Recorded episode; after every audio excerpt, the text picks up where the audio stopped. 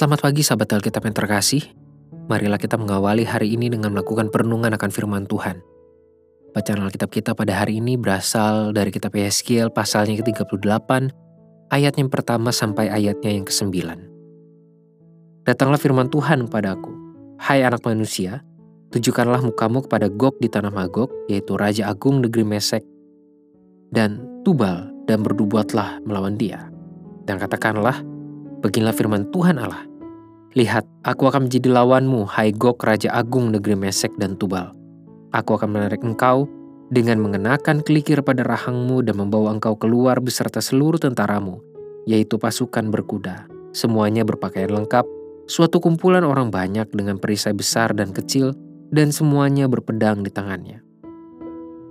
Orang Persia, Ethiopia, dan Put menyertai mereka dan semuanya dengan perisai dan ketopong orang Gomer dengan seluruh bala tentaranya, Betogarma dari utara sekali dengan seluruh bala tentaranya, banyak bangsa menyertai engkau. Bersedialah dan bersiaplah engkau dengan semua kumpulan orang yang menggabungkan diri dengan engkau, dan jadilah pelindung bagi mereka.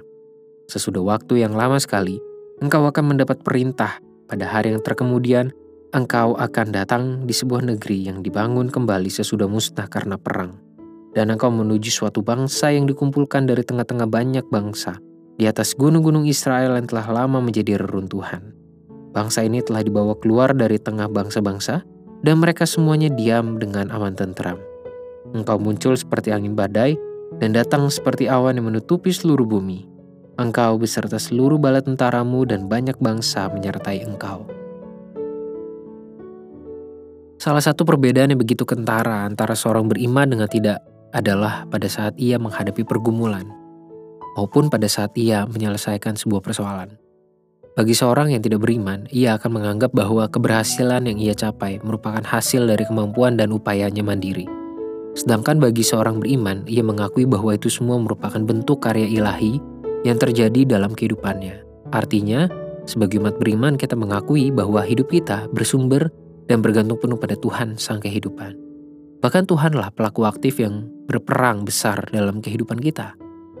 Hal ini pula yang tergambar dalam pernyataan perang antara Tuhan dengan Gog. Tuhan sedang menampilkan posisinya yang secara terang-terangan melawan Gog, sosok simbol kekuasaan bangsa-bangsa pada masa itu yang juga memerintah atas Israel.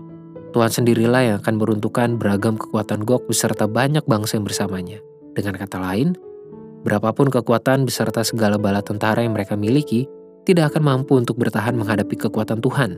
Selain itu, pernyataan Tuhan melawan Gog sekaligus menjadi sebuah kabar sukacita bagi Israel, bahwa masa-masa kelam dan penuh malu yang mereka rasakan pun akan segera berakhir.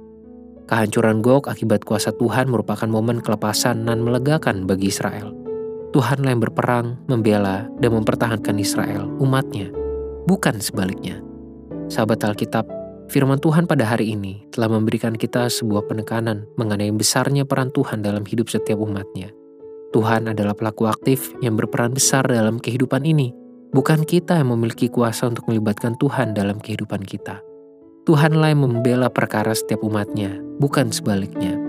Tuhanlah yang memiliki kuasa untuk memberikan perlindungan dan mendatangkan kelepasan bagi kita, bukan kita yang menghadirkan pembelaan bagi Tuhan.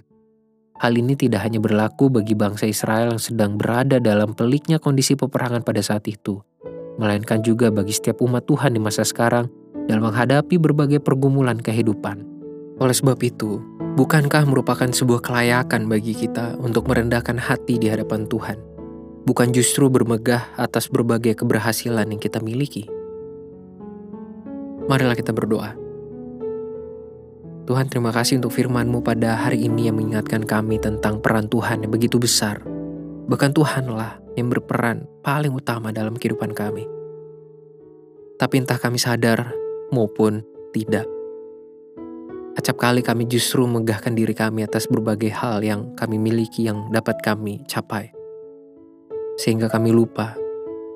Dan kami justru sedang berusaha untuk menyingkirkan peran Tuhan dari kehidupan kami. Tolong kami Bapa untuk memiliki kerendahan hati, untuk selalu menyadari akan peran Tuhan dalam kehidupan kami. Dan karena hanya dengan cara itulah, kami selalu dapat menerima dan membuka diri kami untuk menjadi murid-murid Tuhan pelaku firman Tuhan, yang setia kepadamu. Hanya di dalam nama Tuhan Yesus kami berdoa dan memohon. Amin.